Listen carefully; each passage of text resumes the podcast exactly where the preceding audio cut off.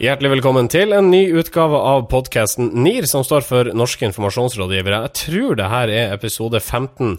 Det er strengt tatt ikke så nøye all den tid denne podkasten skal bestå i masser av år fremover. Med det faste, gamle laget. Marius Støkkelsen sitter her. Sindre Holme sitter her. Ja, og jeg heter Marius Staulen. Hvordan eh, går det, gutter? Nei, det går bra. Eh, Det har vært en uke ikke preget av så veldig mye, eh, men likevel. eh, Det er også litt sånn skjerm i seg selv, syns jeg, når det ikke skjer så mye. Eh, Hvorfor det? Ja, for det, det betyr jo at eh, vi faktisk har tid til å tenke på eh, hvor heldige vi er de ukene hvor det skjer mye. Eh, det kom jo til det steget at vi måtte spørre våre lyttere på Facebook hva vi skulle snakke om, Mm. eh, og fikk jo også gode innspill der. Så det betyr jo at selv om det virker som om det er litt stille, så har vi alltid eh, noen å spørre om hva som skjer og hva vi burde snakke om, og det er betryggende eh, også i fremtiden hvis det skulle skje enda mindre enn en uke. Ja, og vi er jo selvfølgelig svært takknemlige for all aktivitet på våre Facebook-sider, er vi ikke det? Jo, det er vi veldig. Og uh, vi, vi, vi tok jo en sånn der, Det kom et sånt nytt verktøy som het uh, Likealizer eller noe sånt. Ja. Uh, som, uh, altså, den som analyserer Facebook-siden din, på en måte. Da, hvor du, den ser på hvor mange følgere har du, eller venner, eller hva likes eller noe heter for noe. uh, hvor mange stor engagement rate du har. Og så, og så gir den noen tips, da. Uh, og det som er unisont altså Ett tips den gir uansett, Mm. og det er bruk mer eh, emoticons, altså smilefjes. Ja. Det får alle. Så jeg lurer litt på om det er en sånn smilefjesprodusent som egentlig står bak, som prøver liksom å pushe smilefjes. Ja. Um, Ja. Han som fant opp smileys på 70-tallet, eller Ja. sånt, han, Han har ser at det er på vei ut. uh, Mm. Jeg, jeg leste litt eh, på det verktøyet du refererte til der, som jeg allerede har glemt navnet på. Eh, og selv om dette her genereres av en datamaskin, så syns jeg det var usedvanlig kritisk til oss. Jeg ble nesten litt sånn fornærma da jeg leste det. Det var masse røde kryss. 'Dette gjør dere feil', dere skriver for lange innlegg. Ingen bryr seg om bildene dere legger ut. Eh, skriv tekst, dere, og skriv det sånn i Twitter-størrelse. ja, og bruk emoticons. Ja.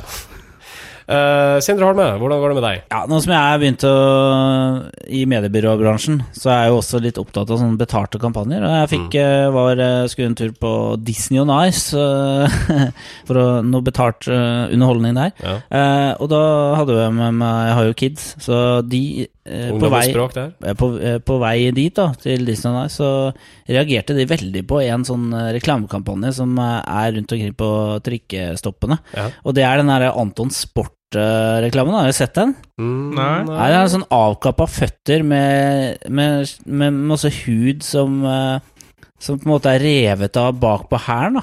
Ja. Og den der gnagsår Åh, den er helt jævlig. ja. Og så står det eh, liksom Anton Sport eh, Norge skal aldri kjøpe feil utstyr igjen. Og, og, og payoffen til Ant- Anton Sport er nok snakk. Og jeg bare Nok snakk? Altså, født, avkappa føtter er ikke- det er ikke noen som har sagt et kleiva ord? Jo, jo, men i, i For jeg har sett eh, TV-reklame for det der. Jeg visste ikke at det var Anton Sport. Jeg trodde det var gnagsårplaster eller noe sånt. Men der driver den der gnagsåret og snakker, da. Så, liksom, så den der eh, sprekken liksom, i såret er som en munn, da. Sånn, hei, hei, du. Og så er, liksom, oppe og går, så er, det- så er det en person ute og går tur, da. Så driver det gnagsåret som maser og snakker på han. Så det er ikke nok snakk for gnagsåret, da. Jeg tror vi skal komme oss i gang. Eh, Vi har ei tettpakka sending som eh, vanlig. Vi skal bl.a. få høre om Norwegian i dag. De truer med å flagge ut av landet. Vi skal høre om en brusprodusent som skal prøve å ta litt ansvar.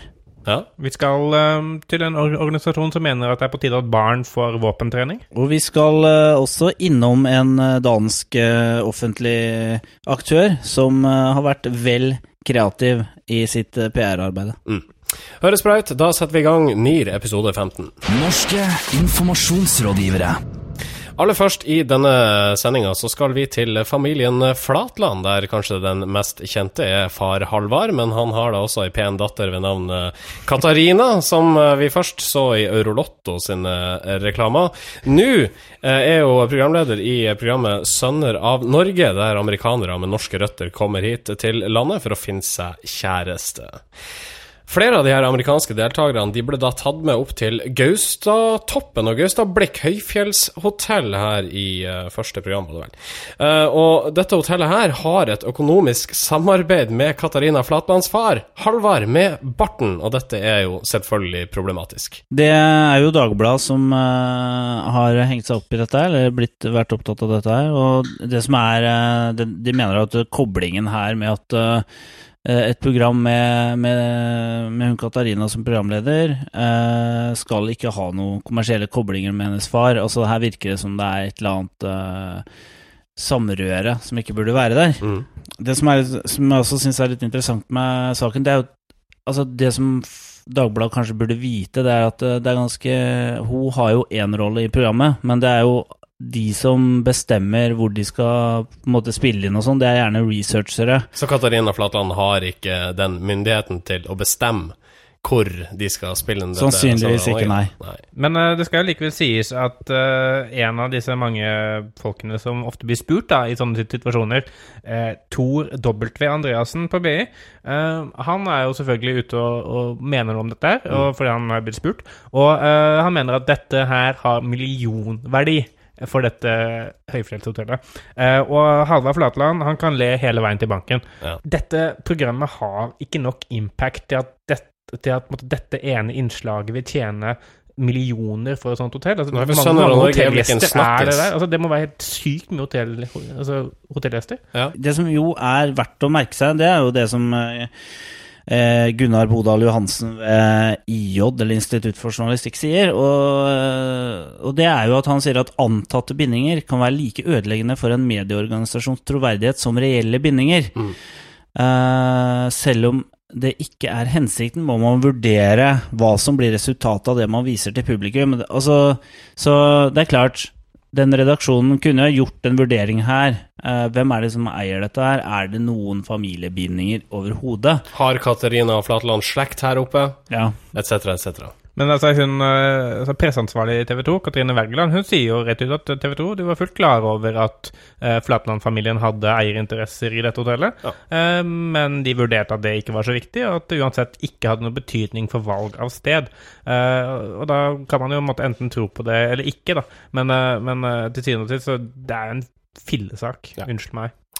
Ok, en fillesak. Tommelen opp eller tommelen ned for Dagbladet? Eller blir det? Tommelen ned for uh, Dagbladet, som uh, lager en stor sak av det greiene her. Ned. Norske informasjonsrådgivere. Da skal vi til Danmark, der det statlige danske jernbaneselskapet DSB får tyn etter at noen hemmelige dokumenter avslører hvordan selskapet kan ha satt en kritisk journalist ut av spill. Hva er det dette dreier seg om? Jo, eh, det dreier seg rett og slett om at DSB har tenkt denne frilansjournalisten, som heter Lars Abild, han er litt plagsom. Hva hvis vi betaler vårt PR-byrå for å ansette han? Eh, da har ikke han tid til å skrive så mye kritisk om oss. Mm. Og som tenkt, så gjort. Eh, DSB betalte det danske kommunikasjonsbyrået Waterfront for å ansette Lars Abild og måtte holde han opptatt med kundeoppgaver, slik at han ikke skulle skrive så mye Jeg klarer ikke å si dette uten å smile engang. Ikke skulle skrive så mye om DSB. Og det fungerte jo. altså De kan melde om at i forkant av at han ble ansatt, så dekket han mye DSB og var ganske kritisk til en del ting ved driften der. Under tiden sin i Wall Waterfront så har han ikke skrevet så mye om DSB. Og, naturlig nok. Og Abild har jo fått uh, godt betalt. Han har fått rundt 35 000 kroner i måneden, angivelig her, uh, for sitt engasjement i Waterfront, og var sjøl uvitende om at det i realiteten var de danske statsbanene som satt og betalte landet hans. Ja, nei, for han sier jo det at på et eller annet punkt møtte han jo til og med uh, administrerende i danske statsbaner, men han oppfattet det bare som en sånn forsoningsmiddag i og med at han hadde skrevet så mye kritisk om dem. Mm. og Han innså ikke at dette var faktisk liksom starten på hans altså, på komplottet da, som skulle gjøre at han ikke skulle skrive så mye om DSB lenger. Det var faktisk en lønnsforhandling, det han ja, der. ja. Altså, det, den her jobben med å uh, gi PR-bransjen PR uh, godt omdømme, den ble ganske greit revet ned her, kan ja. du si, gjennom det eksempelet her. For det her er jo absurd. Altså, det her, her må det jo lages en spillefilm, for dette er jo komikk. Altså. Ja, for altså. dette, dette her er hinsides noe vi har vært borti tidligere. Ja, det vil jeg si. Uh, og, men, I tillegg så er jo Waterfront har jo virkelig gått uh, Altså lagt etikken i, i søpla. Eller kasta den uh, i søpla. Fordi de har jo også fora, eh, angivelig, da, eh, DSB, det herre eh, statsbanene, med helseopplysninger om journalisten. Men det jeg syns er litt Det jeg Det som jeg også syns er litt morsomt, da, som jeg, som jeg gjerne skulle ha visst litt mer om, det er hva han produserte av saker. Var det sånn Ja, nei, så stikk ut i eh, botanisk hage og, og, og beskriv Ta noen bilder. Ja. Ta noen bilder og Vi får sikkert bruk for det. Ja. Ja, ja. Ja, de, de måtte finne opp en hel sånn kundeportefølje som han skulle jobbe med, som Ja. ansette skuespillere som skulle spille toppsjefer hos de kundene som, som han liksom jobbet med. da. Hva eh, har DSB og Waterfront å si til eh, sitt eget forsvar? Eh, Kommer det fram i disse artiklene? De eh, kommenterer ikke saken. De nekter, altså Underdirektøren i DSB og direktøren for PR-byrået nekter at hensikten med samarbeidet har vært å begrense kritiske artikler, sier de. Men, men det fremgår jo tydelig i en e-post da, hvor eh, nettopp eh, de skriver at byrået har en årrekke samarbeidet med Abild for å sikre at han avstår fra å presse DSB i mediene. Mm. Altså, det er ganske svart på hvitt, og eh, det er helt tydelig at eh, det er faktisk det som har skjedd her. Ja. Eh, Abild selv har ikke oppfattet at han har måttet ha altså, Han sier jo å leve av undersøkende journalistikk som frilanser er ikke veldig lett, og gjennom Waterfront arbeidet jeg for kunder med oppgaver jeg fant helt ukontroversielle. Ja, riktig. Eh, og det var vel Abild som også breaka den saken, var det ikke det? Ja, Det var han sjøl som gikk til pressen da han oppdaga hva, hva som hadde skjedd, og hva han hadde gjort? Jo, eh, han, eh, han ble fortalt dette her i, i fjor sommer. Uh, I en sånn bisetning, sikkert da mm, på, et, på en fuktig sommerfest eller noe sånt. Mm. Uh, og han sa at uh, da jeg først ble fortalt hva som foregikk, trodde jeg rett og slett ikke det var sant. Eh, og, det er, en- og det er jo, måtte, har ikke blitt noe mer utrolig siden den gang. Eh, så han valgte jo til syvende og sist å gå til DR som da den kritiske journalisten han er. Mm. Hvem er det som lider mest av dette her? Er det Waterfront, eller er det DSB? Synes, altså, dette må eh, på en eller annen måte fordeles ganske jevnt mellom DSB og Waterfront. Uh, Waterfront er kanskje de som har opptrådt mest uredelig, altså på en eller annen sånn syk måte. For det er faktisk de som har ansatt denne personen på helt falske premisser, latet som om det faktisk har vært et ordentlig arbeidsforhold, tatt han inn, latt han jobbe der i flere år og bli kjent med kollegaene, så er alt bare bygd på en løgn. Det er, det er helt sånn altså, Jeg forstår ikke hvordan måtte, de personene i det hele tatt kan se seg i speilet. For det er, sånn, det er jo på et sånn menneskelig nivå også, så er det jo helt forferdelig. Mm. Det er jo litt trist, dette her. Altså, gravejournalistikken eh, er jo, eh, har jo måttet lide uh, pga. avisdøden og mindre budsjetter i mediehusene. Og så liksom det lille som er igjen av Danmarks gravejournalistikk. siste gravejournalist. Ja? Han ansetter vi i et PR-byrå for å skrive om noen blomster og den første hestehoven og annen triviell skitt. Ja. Det her blir sånn Jeg føler det her blir uh, liksom flere tomler ned, ja. blir det ikke Ja. det? Ja, men Det blir iallfall spennende å se hvilken plass danske kommunikasjonsrådgivere kommer på sånn yrkesgruppe uh, troverdighetsmessig ved neste rangering. Ja. Ja.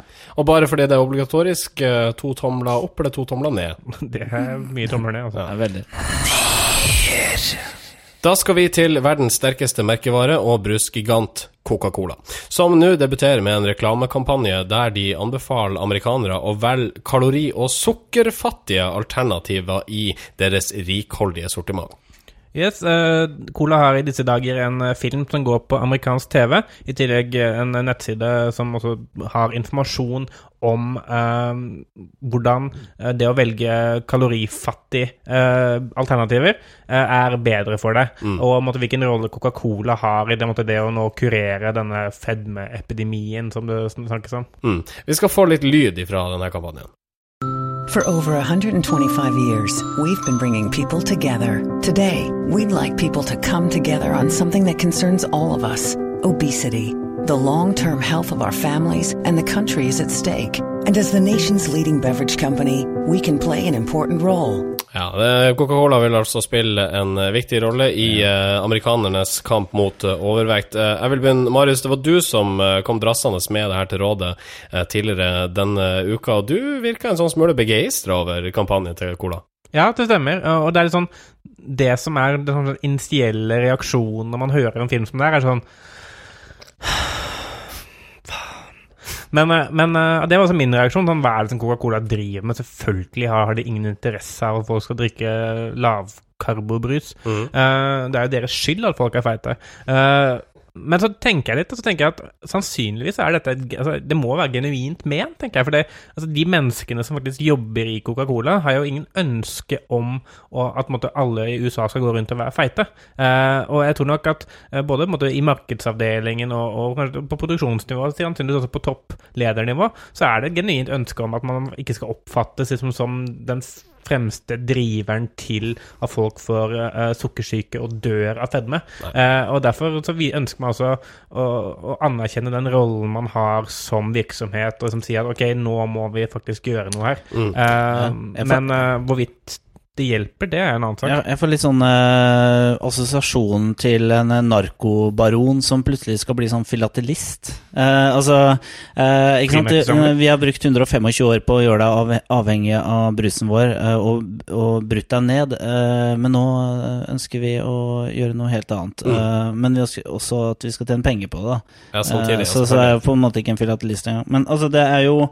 det er jo klart eh, det så vi jo her eh, hjemme med Helsedirektoratet, som skal innføre, eller snakker om å innføre et reklameforbud eh, mot usunn mat osv. Mot barn. Og det er, eh, det er mye som skjer eh, internasjonalt også, sånn helsemessig. Eh, Verdens helseorganisasjon eh, er jo opptatt av dette med sukker og prøve å forhindre bruken av det i, i dagligvareprodukter osv. Så, videre. så det er, eh, det er nok ikke nødvendigvis bare oss forbrukere de snakker til når de kommer med dette budskapet her. Her tror jeg vi snak, de snakker veldig mye til politikere. For å unngå at det f.eks. blir innført ekstra avgifter på sukker. Ja, for eksempel. Men, Men, eh, men poenget sånn kommunikasjonsmessig i hvert fall er at debatten rundt fedme og overvekt og eh, brusen sin rolle i det vil måtte foregå uavhengig om Coca-Cola er med på det eller ikke. Og det faktisk forsøke å ta en aktiv rolle i det er sannsynligvis det smarteste de kan gjøre. da. Ja, er dette et forsøk fra Coca-Cola på å ta kontroll på den debatten? Jeg tror det. For altså, det er to ting. For det første handler det om å kontrollere debatten. Eh, for det andre så har de også innsett at de er avhengige av at rammevilkårene deres ikke strammes inn noe mer. Som du nevnte, skatt på brus. Eh, så de ønsker å vise at de er en ansvarlig bransje, og at hvis de oppfordrer folk til å måtte velge mer sunne alternativer, så betyr det kanskje også at de slipper måtte, at rammevilkårene deres snevres inn. Right. Men eh, jeg tror vi skal ta og runde der. Skal vi gi en tommel opp eller tommel ned for Coca-Colas eh, forsøk på å ta en aktiv rolle i helsedebatten i USA? Jeg gir tommel opp. Tommel opp. Norske informasjonsrådgivere. Da skal vi hjem igjen til flyselskapet Norwegian, som har vært mye omtalt i mediene i det siste. Annet for disse nye flyvemaskinene eh, deres, 787, som er blitt satt på bakken av en rekke flyselskaper pga. teknisk feil. Og så har det lenge vært kjent at eh, Bjørn Kjos gjerne vil ansette utlendinger for å få ned personalkostnadene, og i et hemmelig notat omtalt i DN, så eh, vurderer da Norwegian å flagge ut, rett og slett. Det har blåst mye rundt Norwegian i det siste, med andre ord. Altså, så det vi Altså, det er jo Ja, som du sier, det er mange saker nå som er litt sånn negative, som gjør at Norwegian begynner å ligne mer og mer på Ryanair, på en måte. Altså, de, de har lyst til å spare penger, de syns det er for dyrt å være i Norge, bla, bla, bla. Så spørsmålet nå er jo egentlig Har uh, Bjørn Kjos med smørboksmilet begynt å miste sin sjarm? Ja. Marius eh, T, du kan få lov til å forsøke deg på et svar, du. Ja, altså det er jo mange som eh, sannsynligvis ikke lenger oppfatter Bjørn Kjos som denne uh, gladgutten han jo var. Uh, det er lenge siden jeg måtte ha sett Bjørn Kjos leende på TV. Da. Eh, det var jo en, per en periode han var på TV. Altså, han kunne ikke være med i en nyhetssending uten at han lo. Nei. Og sånn halvparten av måte, det han sa, var bare latter. Eh, eh, så som, Ja, og det, det er litt sånn eh, Det tyder litt på at vinden har vendt litt for, eh, for Norwegian. Det har vært mer og mer negative saker, negative oppslag. eh, ting som gjør at de kanskje ikke har den samme høyden. Da. De er ikke lenger på marsjhøyde, kanskje. De har begynt å dale litt. Eh, og, og, og, de, og de tingene preger jo også måtte, den rollen Bjørn Kjos får i mediene. Så det er sånn interessant å se nå hvordan han takler det. Om han måtte takle å ikke være den positive utfordrerposisjonen, eh, karen som han har vært lenge. Om at nå blir han mer enn faktisk enn noen som må forsvare noe. Ja, det skjedde noe i desember som eh, kanskje markerte et vendepunkt her, fordi da holdt jo SAS på å gå konkurs. Og ordentlig. Altså, det var ikke bare noe man sa, men det kunne faktisk ha gjort det. Og da, da ble jo Norwegian liksom den store. Altså, og når de har kjøpt de, altså, alle disse flya som er på vei inn, osv., så, videre, så er jo ikke Det skal bli vanskelig da, å være den her joviale eh, karen som liksom uh, starta med to tomme hender, eller hva, hva slags bilde vi har han. Eh, og, og jeg føler litt sånn, når jeg ser et sånn nærbilde av Bjørn Kjos, så ligner det mer og mer på John Fredriksen. Du, Altså, det der, var nesten frekt. nei, altså, jeg, jeg tenker, jeg, jeg, sånn, jeg tenker ja. det at altså, I kampen David mot Goliat, så tar man jo selvfølgelig side med David. Men hva skjer når David på en måte oppnår den størrelsen som Norwegian etter hvert har oppnådd? da? Det er det som er interessant. da, for sånn, sånn Mediemessig så er det veldig interessant, fordi de spiller plutselig en helt annen rolle enn det de er vant til. Eh, og det virker som om de har måtte ikke lagt om kommunikasjonen sin i tråd med at også organisasjonen har vokst, og at deres rolle har vokst. Mm. Så tida for Norwegian som lillebror i norsk luftfart er rett og slett over? Ja, David har drept Goliat, og har eh, spist veldig godt og er i ferd med å bli Goliat. Mm. Eh, så faren er at det kommer en ny David, eh, som Er det, utfordrer. er det Ryanair? Ja, eller dette flyselskapet som opprettes på Sørlandet. Jeg husker ikke hva det skal hete for noe. Nei, Men, Henning Olsen Is uh, Air. ja, noe sånt. nei, vent litt. Kaptein Sabeltann Air, er det ikke det det heter? Kjuttaviga Air. eh, Julius Air. ja. ja. det er vel et eller annet sånt som eh, er Det er noe emning da ute i uh, utkanten-Norge. Mm. Eh, og vi får se. Kanskje det dukker opp noe mer. Må eh, Norwegian eh, endre kommunikasjonen sin og tenke at eh, vi er ikke så små som det vi en gang var? Ja eller nei? Ja. ja. Vi skal eh, over dammen igjen. I kjølvannet av denne skytemassakren på ei skole i Newtown, så um, havna NRA i et kritisk søkelys i flere medier. Årsaken til det var flere oppfordringer fra det holdet om at vi må ha flere våpen inn i samfunnet, ikke færre, og det i et land som allerede har en svært liberal våpenlov. NRA er altså National Rifle Association, som er en interesseorganisasjon for skyteglade amerikanere, og nå er de i vinden igjen. NRA er jo kanskje den største sånn, lobbyistgruppa i USA. En av de med mest innflytelse, spesielt på det republikanske partiet. Eh, men det de har valgt, da, i, eh, kjølvannet av denne debatten som har oppstått rundt eh, våpen og innskrenkning av våpenlover, er at de har valgt å lansere et skytespill. Eh, For iPhone og iPad, eh, mynta på barn, så barn kan måtte lære å bruke våpen i et morsomt og sikkert miljø allerede fra ung alder. Og jeg syns jo dette er interessant, fordi det er jo for alle andre enn i NRA så er det helt åpenbart at dette er eh, helt feil. Og, men det det jo viser, er at altså reklame og kommunikasjon mot barn er plutselig blitt mye enklere pga. nettet. Og før så var det jo veldig enkelt å avskrenke det, for man sier at det er ikke lov å vise det på TV før klokken 11, for da har barna sannsynligvis lagt seg. Men med måte, alle disse mulighetene som den digitale sfære gir, så er det mye lettere faktisk da å påvirke barn. Og Apple har også godkjent dette spillet for barn, eh, så noe ansvar må ligge der også. Kanskje veldig overraskende for deg? Ja, jeg syns det. Nå er det jo eh, jeg, jeg tenker at egentlig hadde jo de Når de først skal lansere et spill, så hadde de jo her en gyllen mulighet til å pynte på sitt uh, Noe frynsete rykte. Noe frynsete rykte med å lansere noe som viste ansvar. Eh, men her er det jo liksom et skytefelt hvor man kan skyte på diverse ting. Til og med en, noe som ligner på en kiste, uh, står det her.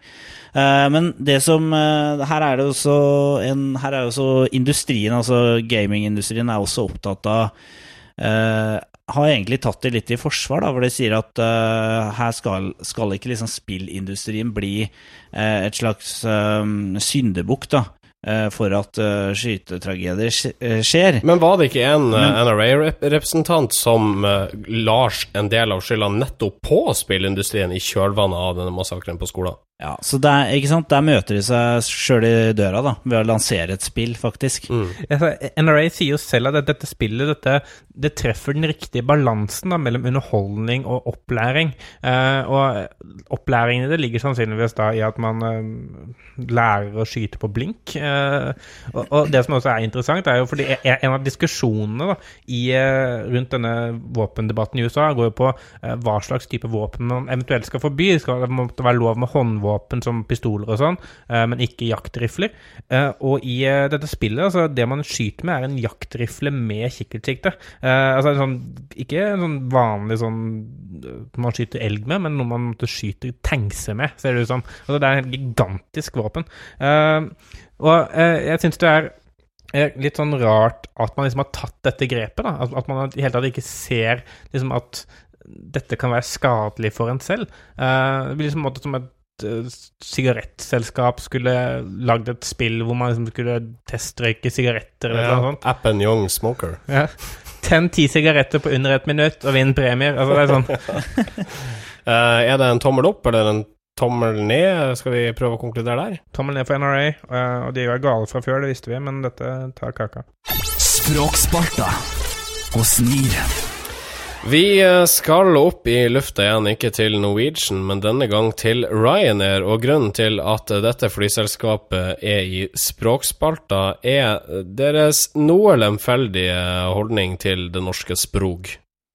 Det kan man trygt si. Eh, Det ser jo, eh, hvis man går inn på vilkårene til Ryanair, så er det helt tydelig at um, poenget er å forvirre og, og få folk til å stoppe å lese vilkårene. Ja, fordi disse vilkårene her, de er skrevet på en horribel Google Translate Ja. norsk. Ja, de har en stoppeffekt, altså motsatt eh, effekt av det man snakker om når eh, markedsfører snakker om stoppeffekt. Eh, for her er stoppeffekten at du bare må bort og vekk. Ja, du må Eh, rett og slett stoppe å lese. ja, jeg kan f.eks. lese her eh, artikkel 2 Henta fra Ryanairs vilkår på Yes. ryanair.no. direkte der inne fra akkurat nå. Artikkel 2. Gyldighet valg av lov. Lovvalg. Altså lovlovvalg er da ett ord. Mm. Og retts, rettskrets. Verneting. Rettskrets verneting. Hva er det ordet? Rettskrets Altså, det virker som her har vi liksom sjonglerer vi med norske ord. Putte inn litt sånn rett, lov, bestemmelse her og der. Mm. Kjør. Det, det, det er jo noen ting som, som går igjen gjennom hele. Og det, er, altså det ene er en sånn lemfeldig bruk av mellomrom. De tenker at hvis vi bruker mellomrom i sånn 70% av tilfellene hvor vi trenger det, så holder det. Eh, så er kanskje eh, altså, ja, 30% av ordene er bare slått sammen i én. Uh, sånn som ett følger som vedlegg til disse vilkårene. Altså, sånn null mellomrom. I tillegg da, så liker de å skrive en del av ordene to ganger. Konvensjonen skrives alltid to ganger. Ja. Konvensjonen, konvensjonen. Et eksempel? Eh, internasjonale reiser som definert i konvensjonen-konvensjonen er underlagt reglene for erstatning i konvensjonen-konvensjonen og EU-forordning endret regulasjonsforordning. Mm. Eh, Ryanair har fått kritikk for det her tidligere. I september i fjor så uh, uttalte fagdirektør i Forbrukerrådet Ann Håbet Rygg til Aftenposten at Ryanairs vilkår står på så dårlig norsk at det trolig er vanskelig for mange kunder å forstå hva som er skrevet. Og Det er ingen tvil om at dette er vanskelig, men det vi også har grunner på, er på en måte det juridiske aspektet i dette her, fordi eh, Ryanair henviser sjøl til disse vilkårene hver gang de havner i vinden for et eller annet tåpelig gebyr. Mm. Eh, eh, For jeg lurer jo på det der om, om de faktisk Altså Hvis man kan bevise at det er skrevet så dårlig at man ikke kan forstå det, er det da juridisk bindende? Eh, og svaret på det er sannsynligvis at uh, når man da bestiller billetter, så er man jo nødt til å likevel huke av 'jeg aksepterer de vilkår som gjelder'. Mm. Uh, og det betyr jo da at man sier at disse vilkårene har jeg lest og forstått. Eh, så det er en måte sånn de kommer unna med det på. Så ved å, ved å godta Ryanairs konkurransevilkår, konkurransevilkår, så, så, så, det så anerkjenner man konvensjonen, konvensjonen. Mm. Og, og, det, altså, og man har ikke noe valg, for man kan jo ikke ikke godta dem. Da får får man jo ikke bestille billetter. Nei, da får du ikke fly noe sted. Nei. Men det er forferdelig. Det Det må vi da kunne enes om. Og jeg oppfordrer uh, alle som hører på, til å faktisk ta kontakt med dem og si Hør her, nå Hør her. må dere faktisk begynne å bruke mellomrom, Mellomrom. og kun skrive ett ord én gang om gangen. Mm. Hvis dere da uh, har kommet utfor et eller annet, så ber jeg dere om å klage på samme språk. Og kreve at de eh, skal si at de har forstått det. klage, klage, altså. Ja. Så tommelen ned da, eller? Da må Tommel ned. Norske informasjonsrådgivere. Ikke gjør dette. Og når vi snakker om uh, uforståelige setninger og ord, en av kalenderjentene i revygruppa Rabababab er angivelig i ferd med å uh, entre pornoscena. For Finnmark kan få sin første pornostjerne, og ei finnmarksjente vurderer pornotilbud seriøst nå. Det kunne Finnmark Dagblad fortelle i avisa her om dagen. Eh, Riktignok så fikk man ikke bekrefta dette fra sikre kilder, men Finnmark Dagblad valgte likevel å kjøre saken. Og så kom da vaktbikkja sjøl, eh, Fagbladet, journalisten, på banen. Ja, for avisa Finnmark Dagblad de tar ganske mange forbehold i den saken sin. Da. De sier at uh, det er en kvinne, uh, uten å si hvem det er, som vurderer seriøst det angivelige jobbtilbudet øh, om å spille inn en pornofilm. Og så vet man ikke om om kvinnen som har takket ja, er blant de som er med i den her kalenderen de har gitt ut. Rabababab-kalenderen. Ja. Uh, og det er, liksom, det er veldig mye sånn angivelig skal ditt og datt, og det, det virker uh, som det er veldig lite håndfast, uh, dette her, da. Mm. Og journalisten, altså Fagbladet, har vært i kontakt med nyhetsleder Skjalg Jensen, og han sier nei da, vi har ikke snakka med denne kvinna, og det er noen gutter i denne revygruppa som da påstår at denne kvinna skal være med i en softcore-film. Ja, altså De hadde vel veldig lyst til å lage sak på dette, da, for de sa ja, det er gutta som påstår det, sier han. Uh, vi ba om kontakt, men det ville de ikke gi oss. Og jeg mener, uh, det er litt sånn skrivebordsjournalistikk uh, de luxe, da. Ja, Eh, da var vi bare nødt til å trykke det, da. Jeg fikk jo ikke kontakt med noen, men Nei, ikke sant. noen som sa det. da. Og denne angivelige jenta har angivelig fått et tilbud fra det som angivelig er en person som har ansvar for denne mykpornoinnspillinga. Navnet til denne personen er da angivelig Hanna W. Grasmo, men det er en person de heller ikke har kommet i kontakt med. Nei, det stemmer, men eh, journalisten har faktisk kom- fått kontakt med en som heter Hanne Grasmo. Og hun er tilfeldigvis da tidligere redaktør for Cupido. Ja. Eh, nå ansatt i Bufdir. Eh, det er jo rart nok i seg selv, men hun Hva er Bufdir for noe? Bufdir er Barne-, ungdoms- og familiedepartementet. Direktoratet. Mm. Eh, og, Ikke så bra kobling, rett og slett. Nei, ikke så god kob- kobling. Og hun skal jo si at hun har ingenting med dette her å gjøre. Eh, og er sikkert også litt skuffa over at hennes pornofortid eh, blir trukket opp igjen. Mm. Så spør journalisten seg sjøl kan det være de her guttene i revygruppa Rabababab som har uh, lurt Finnmarks Dagblad. Ja, det kan jo tyde på det, for de, synes, de sier jo Vi syns det bare er artig med PR. Du sier forresten alltid rabababab på veldig sånn sarkastisk måte. Har du noe imot uh, rabababab? Jeg syns det er et utrolig slitsomt navn. Kunne det ikke bare kalt seg Finnmark revygruppe, eller et eller annet sånt slikt? Jeg, jeg, jeg er usikker på om det i det hele tatt er et ord. Og det er plager meg. Nyhetslederen i Finnmarks Dagblad han erkjenner at de kunne ha sjekka saken eh, bedre. Ja, man kan alltid sjekke en sak bedre, sier han til eh, journalisten. Men det skal jo sies at altså en ting er hvis dette hadde vært et, en sånn notis inni Finnmarks Dagblad, men dette var faktisk uh, forsidesak, Mm. og også da en uh, helsidesak inni avisa Mm. med overskriften 'Vurderer hyttesex'. Ja. Eh, denne godeste Finnmarks Dagblad-redaktøren eh, sier for øvrig videre Vi mente saken sto seg eh, når vi tok de forbeholdene vi tok. Vi tenkte ikke på at vi kunne bli bløffa, spør journalisten. Så det var ikke noe lavere terskel her fordi det var et saftig oppslag, altså implisitt en klikkvinner på nett? Nei, det var ikke det. Det var innholdet i det at ei kvinne vurderte det, sier Jensen. Ja, det skjer ikke så mye i Finnmark, kan vi konkludere med. Nei. Men denne saken Hanna ikke gjøre dette rett og slett fordi vi mener at her er det for mye forbehold til at saken i det hele tatt burde kommet på trykk? Spørsmålstegn. Ja. Altså Hvis Ja. du må ta forbehold om forbeholdet, da legg bort saken til du i hvert fall får én kilde som kan si at ja, dette stemmer. Hvis det angivelig har skjedd noe, så kan det hende at det angivelig ikke har skjedd noe også. Ja. Det er greit å vite. Godt poeng. Så ikke gjør det, da. Ikke gjør det. Det. Norske informasjonsrådgivere. Ukas kudos. Det er et voldsomt press på oss her i NIR-rådet, det å finne fram til eh, nye offentlige personer som fortjener en eller annen form for ros. Vi skal vel eh, innrømme det at denne uka har vi eh, slitt med å finne noen som på en måte gjør seg fortjent til den, altså personer fra offentligheten, så vi har valgt en annen tilnærming til den. Ja, vi har tråla offentligheten etter folk som har gjort noe bra og som har utmerka seg på en fin måte. Det har vi ikke funnet. Eh, Så vi la istedenfor eh, ut en oppdatering på eh, Facebook for et par dager siden, hvor vi oppfordrer folk til å hjelpe oss med å finne saker vi skulle snakke om. Det var to personer som følte seg kallet. Merete Thomassen og Johannes Magnus kom med forslag til ting vi kunne snakke om.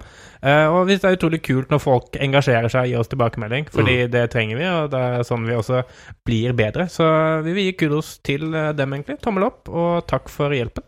Vel fortjent. Norske informasjonsrådgivere. Og uh, vi oppfordrer selvfølgelig alle våre lyttere til å gi oss tilbakemeldinger på våre Facebook-sider, eh, facebook.com slash nearcast, hvor vi også denne uka har hatt en poll ute. Det stemmer. Vi, eh, vi spurte egentlig følgerne våre hva som har vært de beste avistitlene i uka som har gått, fordi at det var faktisk ganske mye rare og artige titler i uh, norske nettaviser uh, uka som gikk. Ja, Eh, og du har der- satt opp tre alternativer der. Ja, der var det Kvalsex, kor, som Vesterålen Online skrev. Ja. Med bilde av en sånn hvalfinne, eller hva det heter for noe. Mm. Hale, kanskje. Eh, og så var det en fantastisk tittel fra Dagbladet om dobbermannen Tyke hunses av soldatkona, men logrer av glede. Og det var da en sak om eh, noen som eh, drev med sånn eh, sadomasochisme. Ja. Eh, den, men det sitt, eh, den overskriften som vant, den var det faktisk avisa Fremover som eh, kom med. Eh, og den lød som følger Joggende kirketjener fikk sitt livs sjokk. Hoppet på sovende elg. Og jeg skjønner jo hvorfor den eh, vinner, fordi at det er jo altså eh, Altså, den lager jo noen fantastiske bilder i hodet på folk. Jeg føler, ja eh, Det ble altså den som fikk flest stemmer. Jeg stemte på den, blant annet. Eh, jeg vil stille et spørsmål her. Sindre, det var vel du som eh, la ut denne pollen, var det ikke? Jo, stemmer. Hvilket forhold har du til spørreord? For jeg stussa litt på at du skriver 'Hvem er best?' Altså med referanse til avistitler, der jeg kanskje ville skrevet avisoverskrifter, men la oss henge oss opp i det 'Hvem er best?' Ja, hvem er best? Altså, det, er, det var jo en litt sånn jovial måte å si det på. Mm. Jeg arresterer meg selv eh, før du eh, gjorde det. Ja. Altså, jeg tar selvkritikk eh, uten at jeg tar imot kritikk fra deg på det. Så mm, ja. det, så det der kunne jeg nok jobba litt med formuleringer, men jeg følte at jeg tok såpass mange forbehold i det spørsmålet at jeg bør kunne komme unna med det. Du må huske at vi er informasjonsrådgivere, og da, er, da kreves det av oss at vi har et perfekt språk. Så ta det til etterretning. Eh, så ikke gjør dette. Ja, som sagt, jeg har tatt selvkritikk, men jeg vil ha meg frabedt og bli påpekt det av deg eh, akkurat nå. Det er mottatt. Norske informasjonsrådgivere. Denne sendinga nærmer seg slutten. Det er jaggu meg helg igjen. Um, hvordan skal vi oppsummere det her, da? Nei, vi får vel si fortsatt god januar. Ja, Ja, det har vært en god januar så langt. Jeg syns kulden har gjort at jeg har tenkt klarere enn noen gang. Jeg, sånn, alt sånn har liksom ulne tanker er bare frosset bort, og det som er igjen, er bare klar hjernekraft. Så du har hørt på en måte hvor fokusert jeg har vært i dag. ja. uh, det tilskriver jeg kulden. Um, og jeg håper at det fortsetter. Ja, når det er sagt, så foretrekker jeg varme maidager i parken heller enn iskalde vintrer i Studio 2 i Nydalen. Men, uh, altså, men, men sånn dampende hete kvelder i Studio 2, det er jo ikke bra, det Ja, det blir litt slitsomt. Det gruer jeg meg til. Jeg Ja, ja. gruer meg til sommer. Jeg tror vi må ta ferie tidlig, ass. Sånn i april eller sånt. Da avslutter vi. Ja, for gjør litt sånn som Skavlan gjør, og sånn gir seg vel sånn midt i mars, gjør han Ja. ikke det? Og så kommer han tilbake i oktober. Mm. Eh, husk at du kan eh, sende oss eh, e-poster når som helst. Vi har nemlig en e-postadresse, vi. Nearcast at yahoo.com. Ja, Vi har uh, vår offisielle, eller uoffisielle side for uh, podkastene, dersom du foretrekker ikke å håndtere dem i iTunes. Det er soundcloud.com slash nearcast. Ja, og også den nevnte Facebook-sida facebook.com slash nearcast. Her fra Studio 2 så signer vi offisielt ut. Mitt navn er Mari Stølen. Mari Storkelsen. Sindre Holme, Ha en fortsatt fin dag. hei da. Norske informasjonsrådgivere.